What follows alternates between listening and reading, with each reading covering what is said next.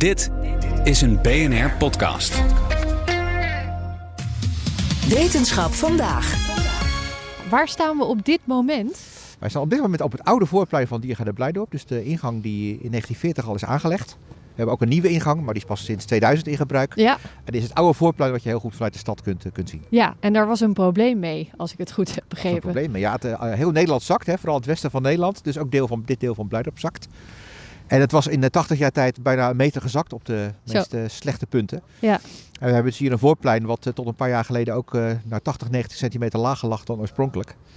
Ik kan me voorstellen dat daar ook wel wat water blijft liggen, bijvoorbeeld. Als ja, we hadden een heleboel, eh, heleboel plekken hier die echt wel zodanig laag lagen dat als het een keer een flinke regenbui kwam, dat we echt wel de plassen moesten omzeilen. Ja. En eh, goed, als je zo'n publiekslocatie bent als Diergaarde Blijdorp, dan wil je niet dat mensen over de plassen moeten springen om eh over Nee. te komen. Nou, is zo'n moment dat je eh, dat gaat ehm, verbeteren eigenlijk natuurlijk ook een moment waarop je kan denken... hoe kunnen we dit zo toekomstbestendig mogelijk gaan doen? Ja, dat klopt, dat klopt. Kijk, wat wij, eh, wat wij hier in Blijdorp al een aantal jaren hebben, is dat we het vuile en het schone water scheiden. Dus het, het regenwater wat van de daken en de straten afkomt, dat voeren we netjes apart af. En het vuile water van de riolering en van de toiletten onder andere, die, eh, die voeren we ook apart af.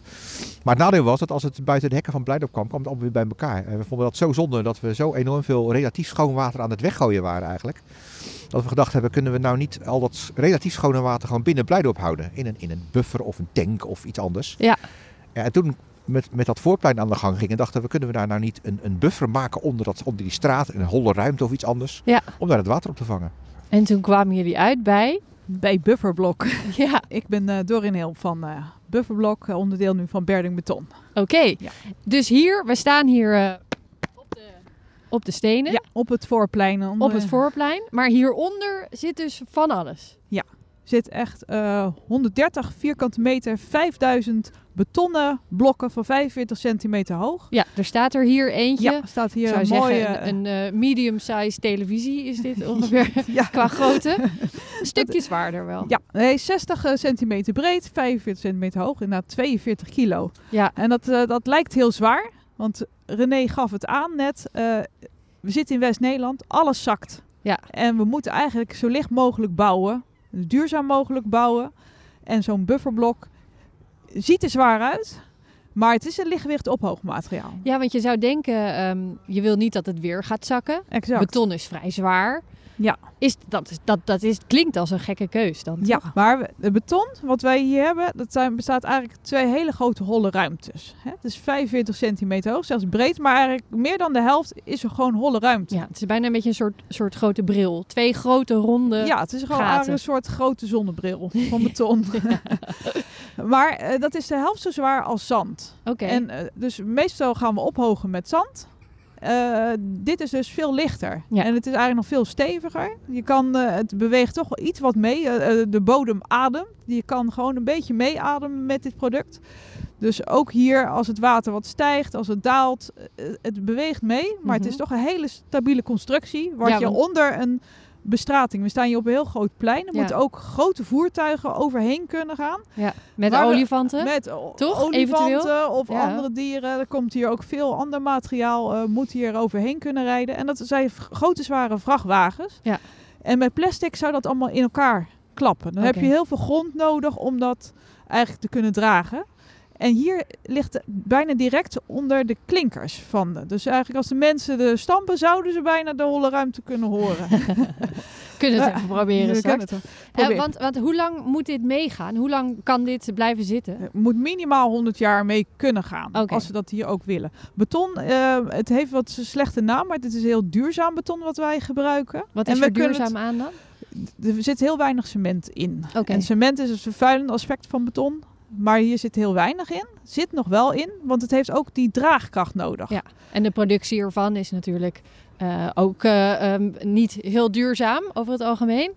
Ja, maar het is bijvoorbeeld ten opzichte van plastic. Mensen, recycled plastic is nog vervuilender dan dit betonnen product. Nee, dat en wat hier wij, wat wij hier ook eh, gebruiken, kan is 100% weer hergebruikt worden. In dezelfde hoge kwaliteit. Een plastic neemt altijd wat af in kwaliteit. Ja. En de beton kunnen wij eigenlijk weer gelijk gebruiken voor eenzelfde product en dan kunnen we weer 100 jaar meegaan. Ja. Dus de duurzaamheid zit hier wel in verbonden. Natuurlijk zijn we altijd nog weer zoekende. Dus we gebruiken ook heel veel eh, van onze producten weer eh, er terug in. En dan gaan we steeds meer toevoegen, eigenlijk ook op wens van de klant kunnen we dat doen. Ja, en hoeveel van deze blokken zitten hieronder? We zitten onder het voorplein zitten 5000 van die blokken. Zo, dat Ja. is flink. En, Ja. en het is natuurlijk ook om een reden dat die gaten erin zitten. Want we hoorden het al even, wateropslag. Wateropslag. Ja, dat, dat is kan heel niet als je het helemaal vol giet. Nee, nee. Nee, nee, we hebben echt die, die grote holle ruimtes gecreëerd. Het beton is eigenlijk minimaal, omdat we willen juist zoveel mogelijk holle ruimte hebben. Ja. En dat daarmee gaan we het water van het plein en van de daken... en eigenlijk alle oude gebouwen in het oude gedeelte van Blijdorp... die worden eh, afgekoppeld, zo noem je dat. Ja. En dat wordt allemaal naar de voorbuffer geleid. En na de voorbuffer kan het weer gezuiverd voor hergebruik. En in het oude gedeelte wordt daarmee 9 miljoen drinkwater eigenlijk eh, bespaard. Dus dan gaan we niet meer 9 De miljoen liter drinkwater. ja, Ja. 9 miljoen liter drinkwater wordt gewoon bespaard. Normaal gesproken werd dat gebruikt voor het sproeien, eh, voor eh, hè, de kassen en, en de planten te voorzien van water. En dat kan nu gewoon van het regenwater wat, wat je gratis eigenlijk in principe Hoeveel krijgt. liter zit hieronder? Als Hieronder- het vol zou zitten? Oeh, hoeveel zit er? eh, v- eh, 500... Ja, een kuub inderdaad. Het is 150 kuub. Ja, 150.000 liter. Ja, dat is flink. Daar Dat kun je een heleboel mee, kan Ja. ik me zo voorstellen. Je noemde ook al even eh, het zuiveren van het water, want je kan het niet natuurlijk direct inzetten.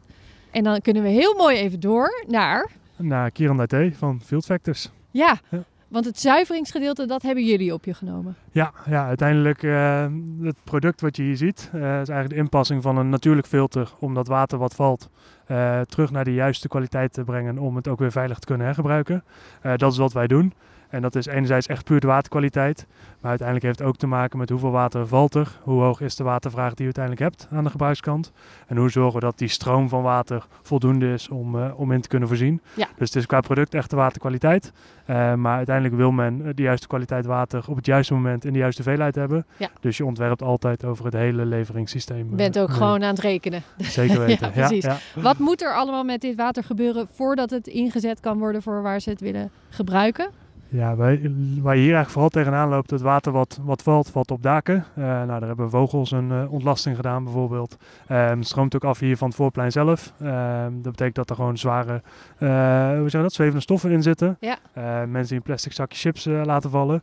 Dus eigenlijk waar je, ja. waar je naar op zoek gaat in het zuiveren is enerzijds om echt je, je zwevende deeltjes weg te halen. Zodat dat gewoon mooi schoon en helder water wordt.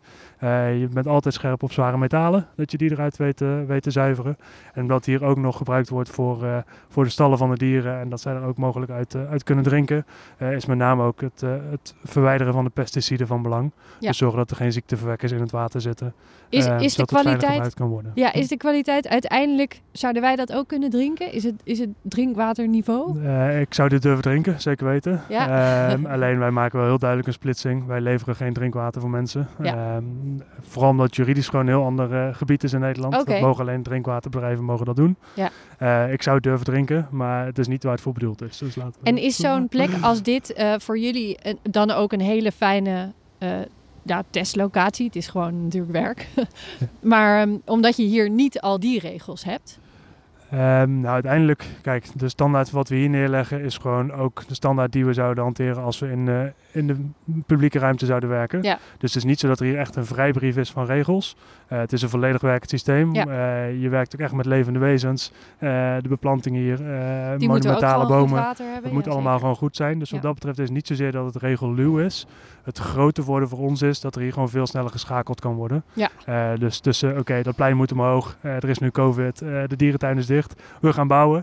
Dan gaan we ook echt bouwen. En En, een paar ja. maanden later ligt het ook volledig systeem hier eh, in het Dat is nieuw. wel even anders dan in de stad. Dat is een verschil met dat je in de besluitvorming van de gemeente mee moet. Precies. Ja, absoluut. Ehm, en die combinatie van jullie zuivering en die bufferblocks, ehm, kan dat overal? Kan dat ook gewoon midden in Rotterdam? Dat eh, ligt ook, eh, tenminste de precieze combinatie ligt niet in Rotterdam moet ik zeggen met, met de bufferblocks. Maar ja, in principe kan dit, kan dit overal. Ehm, juist in Nederland waar je heel veel op zoek bent van oké, hoe kunnen we dat water kwijt als het, eh, als het valt. kan je dat natuurlijk uiteindelijk ook gaan upgraden naar een systeem wat ook weer water kan leveren. Uh, dus die combinatie van een buffer met uh, een zuivering en vervolgens weer gaan leveren. Daar wordt uh, ook steeds meer naar Dat gekeken. wordt al steeds meer gedaan, ja. Ja, dus we hebben in Rotterdam het voordeel dat we er inmiddels vier, vier hebben liggen. naast hier in de dierentuin. Dus op die manier zie je dat dat ja, steeds meer omarmd wordt. En dat ook steeds meer gemeentes gaan inzien dat ze het water niet zomaar meer moeten wegvoeren. Maar dat het juist een hele belangrijke bron is om te blijven benutten. Om ook in de droge periodes van voldoende water verzekerd te zijn. Ja, en om ja, die buffers die worden ook steeds belangrijker met al het water dat naar beneden komt natuurlijk. Nou ja, daar hebben we gelukkig de afgelopen maanden weer een heel mooi voorbeeld van gezien. Dat alles wat we roepen en dat het extremer wordt met natte periodes die natter worden, droge periodes die droger worden. Ja, wat dat betreft een, een heel mooi voorbeeldjaar dit jaar. Hoe we vanuit een, een hele droog voorjaar naar een zeiknat najaar zijn gegaan. Ja. Laten we nou proberen om dat een beetje met elkaar in balans te brengen door slim met het water wat valt om te gaan. 65% van de CEO's optimaliseert hun energieverbruik. Maar er is nog veel te winnen op weg naar net zero. Meer weten? Ga naar pwc.nl slash netzero.